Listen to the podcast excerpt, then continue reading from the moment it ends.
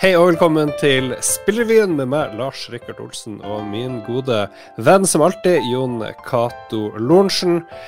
Vi eh, har nådd eh, 29. mars i det herrens år 2022, og ting er på halv åtte som det bruker å være i verden. Men noen ting blir bedre. Blant annet så har vi i dag besøk av styreleder i Spillmakerlauget. Og vi fikk eh, tips, nyss, om at dere holder på med et eh, litt spennende prosjekt. Fordi eh, dere har tenkt å gjøre verden litt bedre, virker det som.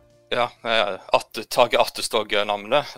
Det, jeg så jo på jeg så jo på diskusjonen på Facebook mens jeg var hjemme en helg og fulgte litt med i debatten der. Og så tenkte jeg at det var litt leit at det skulle være at det skulle være folk som hadde opplevd så fæle ting i spillbransjen, der jeg er relativt uh, ny sjøl. Uh, jeg uh, er jo med i ei fagforening, fagforening for ingeniører som heter Tekna. Men jeg tenkte at det burde være mulig å få til å finne en, en fagforening som kan passe for spillutviklere i hele den i hele norske bransjen tok jeg rett og slett og sendte e-post rundt på mån sist uh, måndag for en uke siden. Og da fikk jeg veldig raskt uh, svar fra noe som heter uh, Parat. De var veldig interessert, og de har fra før noe som heter Parat Media, som passer godt sammen, så de har litt erfaring med det mm. fra før. Ja. Hva, de, ja. ja. Er det mitt inntrykk rett at det er veldig mange spillutviklere som ikke har tenkt så mye på det her med fagforeninger, og det har skjedd lite? Dere må gjerne bidra ja. begge to, Jon Cato og ja. Targer. Hva, og hva er grunnen til det, lurer jeg på? Jeg tror uh, folk flest, de spillutviklere flest de ser ikke helt verdiene verdien i det, og det at når de går sammen i, i team, så er det jo gode venner. Sånn at da føler jeg ikke helt uh, behovet med å organisere seg. Men eh, etter hvert som en blir mer profesjonell, så er det jo behov for å ha, ha med det for å ikke bli utnytta. Ja, det er jo veldig mange som starter fra scratch og lager nye studioer og sånne ting, og kanskje ikke ser ser eh, behovet for å ha hjelp til uh, forholdet mellom arbeidstaker og arbeidsgiver. Det er jo det fagforeninger i hovedgrad handler om, å hjelpe arbeidstakere Eh, med det de har krav på overfor arbeidsgiver. Passe på at man ikke blir utnytta og sånne ting. Så i starten er det nok veldig få som ser det, og så har det nok vært eksempler på f.eks. i Funcom og andre større steder der ting er mer strukturert, og der ansatte kanskje i større grad har sett behov for å Vi trenger hjelp til å, å få gjennom Altså Funcom har jo en lang historie i fortida, da, ikke i nåtid, men i fortid, med overtidskultur, og de var jo på mange måter sånn som den internasjonale spillbransjen holdt på med, veldig mye overtid og crunch og, og sånne ting. Så de spiste jo opp og spytta ut mange utviklere som forlot bransjen pga. Uh, hvordan det var å jobbe med spill. Så det er nok mange som har sett behovet for det opp igjennom, men så har det ikke vært noen sånn egentlig fagforening for uh, spillbransjefolk. Nei, en liten bransje. Utfor Utfordringa med spillbransjen er jo at det er veldig mange forskjellige aktører. Du har, uh, du har programmerer eller dataingeniører som meg selv, som driver med tekniske ting. Og så har en uh, kunstnere som driver med animasjon og illustrasjon, som hører kanskje mest hjemme en annen plass. Og så har en ja, det er, mye, det er mye forskjellig. Du har jo også musikere. Og um, utfordringa er at det er litt vanskelig å finne et uh, fagforening som passer for uh, alle. Og um, da, da, har jeg tatt kontakt, og Parat var veldig all allsidig. Jeg har jo sett litt på historikken for hva som har skjedd. Jeg så at de for rundt uh, i den arbeidskonflikt som var i Funcom for, uh, ja, i 2008-2009, så var det en god del som var organisert i L- og IT-forbundet, som ja, overraska meg litt, for det forbinder jeg mest med IT-support og elektrikere. Jeg vet ikke hvordan det er der i dag, men jeg tror det er best å starte, mm. starte for scratch. Så at vi er i samtale med ja, Parat om det. Så. Ofte så er det jo eh, en veldig viktig del av, av, forholdet mellom arbeidstakere og arbeidsgivere er jo lønn, og at man da har en tariff. Og at man da har en, et system for det, og at man forhandler kollektivt om lønn på vegne av en stor gruppe. og så har man sånn her, et generelt tillegg man skal ha, og så er det justert med lokale tillegg og sånne greier. Er det, hvor, ofte, hvor viktig er en sånn del, tenker du, i, i det, det her? Det betyr meg at det har ikke jeg satt meg inn igjen. nå. Det viktigste er bare å komme ja. Jeg, jeg, tror det er veldig feil ende ja. å begynne i, ja. altså, fordi er du ja. utdanna ingeniør i dag, og du jobber i spillbransjen, så tjener du halvparten av det du kunne jobba i ja. for et uh, teknologiselskap.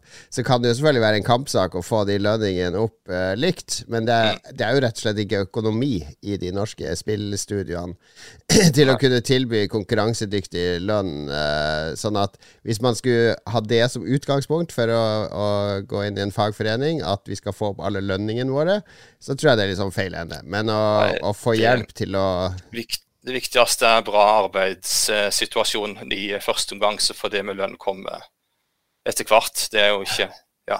Men vi, vi er, den, i tidlig fase er bare så vidt begynt. å ja, men min erfaring fra bransjen er at det er ikke sånne Det er ikke veldig ofte sånne formelle lønnssamtaler for en hel gruppe ansatte og, og årlige revideringer. Uh, I Krillbite så satte vi opp lønningen en eller to ganger underveis mens jeg var der, men det kom av at vi hadde økonomi til å gjøre det, og vi hadde en ambisjon om at man skulle kunne tjene OK i Krillbite, altså nok til å kunne ta opp eh, huslån og, og andre ting ser ikke bort fra at det kan være fornuftig å ha en sånn tanke om lønn, spesielt i store selskaper. I små hvor alle eiere og alle trekker samme ja. retning, så er det jo en ting. Ja, men hvis du, du snakker sånne... om det ene store selskapet, for det er ikke noen selskaper som er mer enn 20-25 ansatte, ikke sant? Ja, ja, jo, men 20-25, den er jo litt det. Ja. Jeg tror personlig at det vil ta lang tid før dette bygger seg opp, men det må være litt klar for eh, framtida. Jeg, tror løsninga er både at de ansatte får hjelp til å skjønne hva som er rettighetene deres og, får bedre, og kan kreve bedre vilkår, men også at eh, lederne i disse selskapene får nødvendig hjelp. Og der mm. Eh, der uh, håper jeg at det vil skje ting, eller at NFI eller Virke eller andre vil komme på banen og, og, og kurse eller gjøre et eller annet for å for å ja. uh, heve standarden på, på, ferske ledere i spillbransjen. Og så er det kanskje ikke alle som vet uh, til slutt hva Spillmakerlauget er for noe?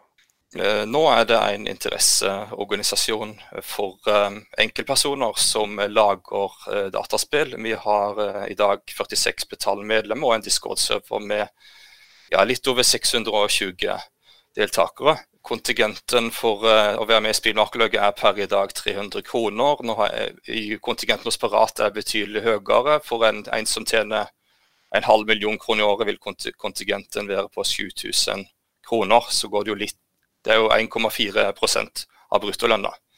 Ja, ja. Men da skal du vel få tilgang på advokater og veldig mye Ja, det er veldig god tilgang på advokater hos uh, Parat, som, som er samtale med. Så. Jeg må jo ikke ringe advokatene med en gang det er noe vi skal løse, Lars. Det Jo, jo, jo. ja. Nei, men tusen takk, uh, Torgeir. Er det noe vi har glemt å spørre om? Nei, jeg tror jeg, tror jeg har fortalt greit. Jeg kan vel si at uh, vi har uh, Jeg vet ikke helt akkurat når det kommer ut, men på, vi har et treff i Kristiansand på denne tirsdagen 29. mars på kvelden. Og så skal det være et treff i Oslo en gang i april med, med noe at en ser på en ja, at, det, ja, at en bare møtes for å være sosial. Og så har vi også et møte på Discord-serveren hver måned. Og så vil det også dukke opp sosiale treff i Bergen og Trondheim etter hvert også. Så det er det jeg har å fortelle. Tusen takk, Targer. Lykke til videre. Vi går videre til eh, Gran Turismo 7, Jon Cato, som har gjort masse endringer etter etter kritikk fra spillere. Det melder bl.a. gamer.no. Eh, forrige ukes oppdatering for Gran Turismo 7 introduserte nemlig store endringer i spillets økonomi. Og kort forklart så fikk du mindre penger for å vinne løp. Og her virka det som om uh, de her Polyphony Digital var på hardt på mikrotransaksjonskjøret. Spillere ble sur, og de har uh, review-bomba så det holder. Og scoren ble vel den dårligste noensinne for et Sony-spill, så vidt jeg skjønner. Og jeg tenker det er eh, konservative Polyphony Digital, som bare har lyst til å lage bilspill med historisk tilsnitt og liksom classy musikk. Eh, litt så overraskende. det jeg tror kanskje ikke de er helt kobla på forretningsmodellen. De har jo vært uh, fullfinansiert i 25 år av Sony til å basically lage det samme spillet på nytt og på nytt og på nytt og på nytt og på nytt og på nytt og på nytt. Og på nytt mm. uh, og virkelig nerde fullt ut med bildillaen som, uh, som de virkelig har. Så de fikk det som slo meg når jeg testet det først, er tidligere Gran Turismo så har du jo bygd opp en stall med biler, du får masse biler i premie, så har du kunnet selge de for å kjøpe ja. de bilene du vil ha. Og plutselig så var det ikke mulig å selge biler lenger. Og så jeg, hadde, jeg kjøpte vel en versjon der du får én million credits til å begynne med, så de brukte jeg jo på en eller annen Porsche eller noe sånt. Eh, for den kosta jo 1,5 million, og da var jeg jo helt blakk. Og da måtte du kjøre sånn løp og tjene 10 000 her og 15 000 her. For å Også, ja, Og så er det biler som koster oppi ti millioner, liksom. Ja, men det var jo helt Det var ganske ille før de gjorde de her nerfingene, at du tjente mye mindre. Så min teori at de skjønte at her var det misnøye, så de bare skrudde sammen uh, den her kran. Spillerne fikk absolutt ingen penger, og så ble det storm. Og så tenkte OK, da, vi gjør det sånn som det var før, gir litt mer. Men så fremdeles er det sånn her uh, mikrotransaksjonsdrøm der, vil jeg tro, hvor du må bruke penger, egentlig for å kunne ja, få alt innen rimelig tid. Du har en enorm stall med attraktive kjøretøy som folk har lyst til å kjøre, som du nekter de folka å kjøre, med mindre du grinder, bruker masse, masse tid på å kjøre mm. rundt og rundt og rundt på ulike baner og få nok penger til å kjøpe de bilene. Så det er den balansen mellom betal 800 kroner for spillet vårt, og samtidig eh, ikke gi deg tilgang til eh, 95% av, eh, de til, av kjøretøyene som følger med spillet. Eh, før så hadde du jo cheat codes som du kunne låse opp alle biler med. En cheat code nå, det har jeg gått og tenkt litt på, hvis noen finner opp en cheat code i Gran Turismo som låser opp alle bilene, er det svindel? Er det Fordi, Ja, det er jo tyveri. Ja, jo, plutselig så er det tyveri. Det er et spill du har kjøpt, med masse biler du har kjøpt, som du skal ha tilgang til i spillet. Og så vil du bli anklaga for hacking hvis noen skulle hacke Gran Turismo eller serverne. Det er jo alltid online. Og det, grunnen til at det er alltid online, er jo nettopp for å forhindre dette, at folk skal uh, modde spillet for å få tilgang til alle biler. Ja, så hvis du klarer å gjøre det offline, som ikke er meninga, så bryter du jo alle, alle, avtaler. For du driver vel og signerer på en avtale, egentlig, når du ja, kjøper deg spillet? Ja, du signerer på en avtale. Du gjør deg sjøl til en slave bak rattet for å, for å, få tilgang til det du har kjøpt. Og det er jo motbydelig. Så, så, jeg skjønner jo at spillere har jo reagert. Eh, de har sett gjennom det her, og en stund nå, jeg vet ikke om det gjelder fortsatt, men en stund så var Eh, Gran Turismo 7 var det lavest rata spillet på den playerscoren på Metacritic av alle Sony-spill i historien. Ja. Um, det er så, godt jobba. Det må jeg si bra. Det er jo den protestformen spillere på en måte har. Det er review-bombing og sånn. Og det, det viser seg at det funker òg, for nå har jo Sony og Polyphony Eh, om ikke lagt seg flate, så har de i hvert fall booka dypt og sagt eh, 'so sorry, so sorry', og så videre. og så har de gitt spillerne en million kroner i, eller credits i bestikkelse. Og eh, endra litt på hvor mye penger du får for løp. Men eh, de har ikke Og så kan du selge biler. Ja, du skal kunne selge biler òg. Du får sikkert eh, dritpenger for den gamle Golfen jeg har stående i garasjen, så jeg vil bli kvitt. Men eh, penger er penger.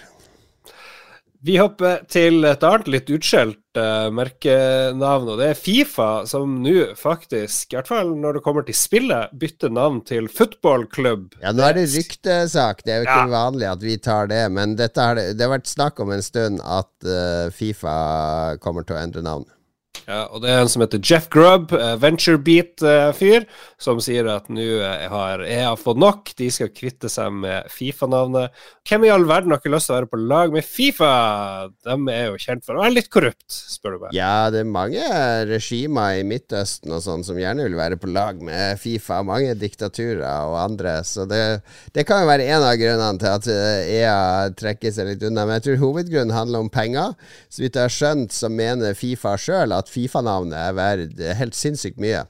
Eh, og, og, jeg tror de er jeg, jeg, leste at de hadde De skulle ha 8,5 milliarder, eller noe sånt, mm. for at EA skulle fortsette å bruke Fifa-navnet.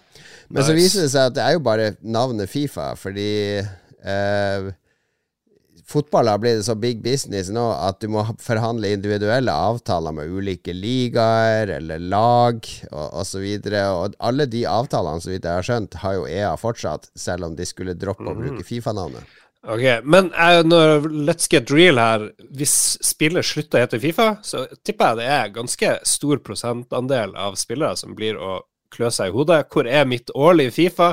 Hvor er det blitt av? For det er det de sier. De kaller 'nå skal jeg hjem og spille Fifa'. Jeg vil tro den store prosentandelen vil bli bombardert i nåværende Fifa med 'husk at neste versjon heter dette'. Husk at her er link til uh, på splash-screen før du skal inn i spillet, og det, det, er jo noe av det jeg hater mest med Fifa, er jo at du må trykke deg gjennom ti sånne skjermer og erklæringer og reklame før du mm. kommer til en meny en gang. Men på en av disse så kommer de nok til å begynne å tilrettelegge til neste års versjon. Kom igjen. Altså, det kommer til å bli en helt smidig overgang.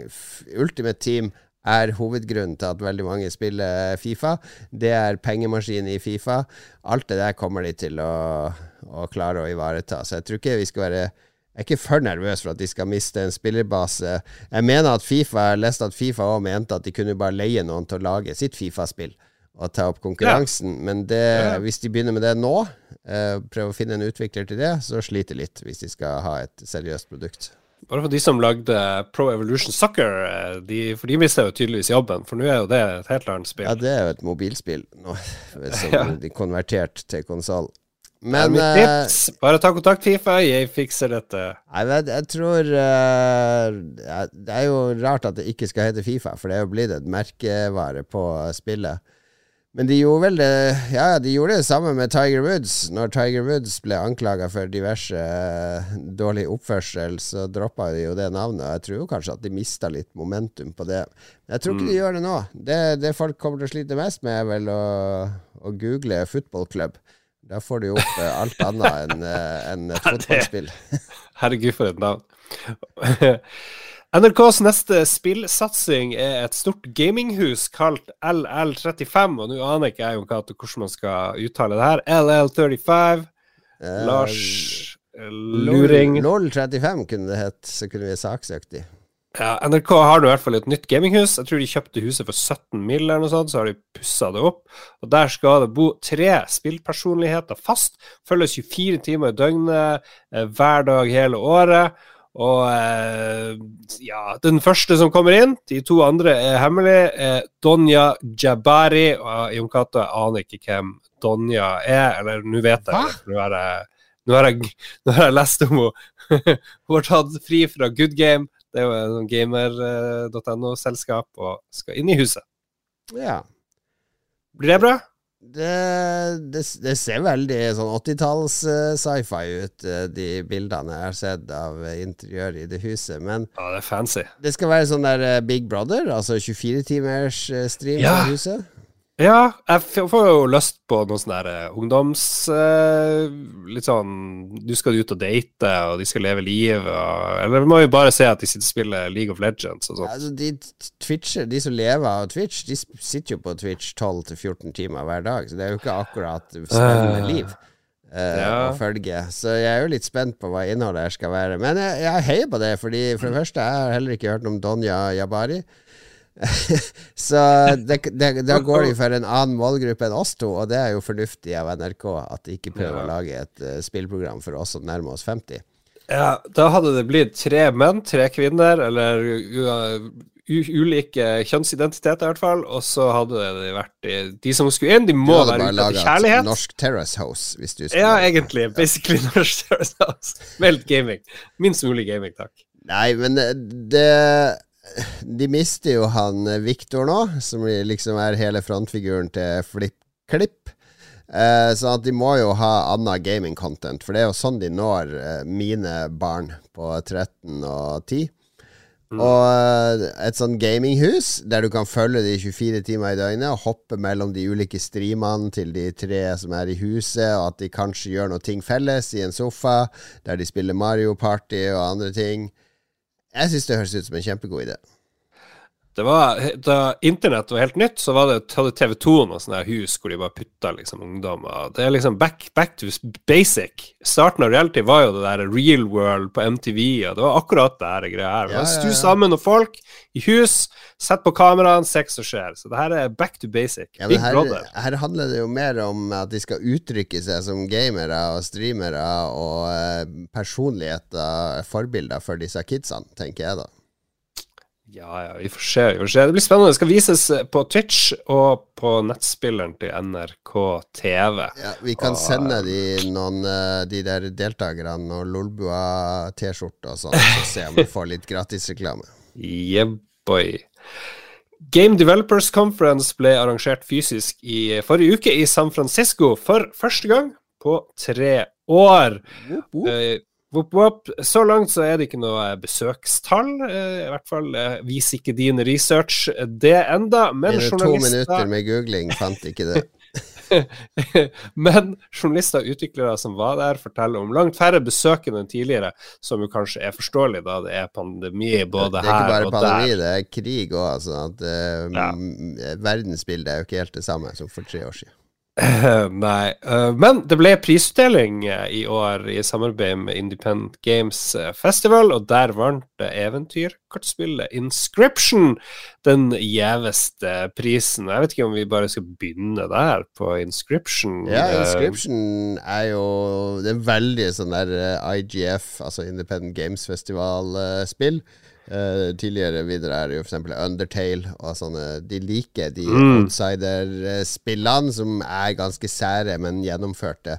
Og Inscription ja. er jo et spill der du har, spiller kort inn i en liten hytte, og så er den hytta samtidig et escape room, for du kan forlate det kortbordet og det er en del sånn puzzles og ting du skal låse opp, og klokkegåte og alt mulig.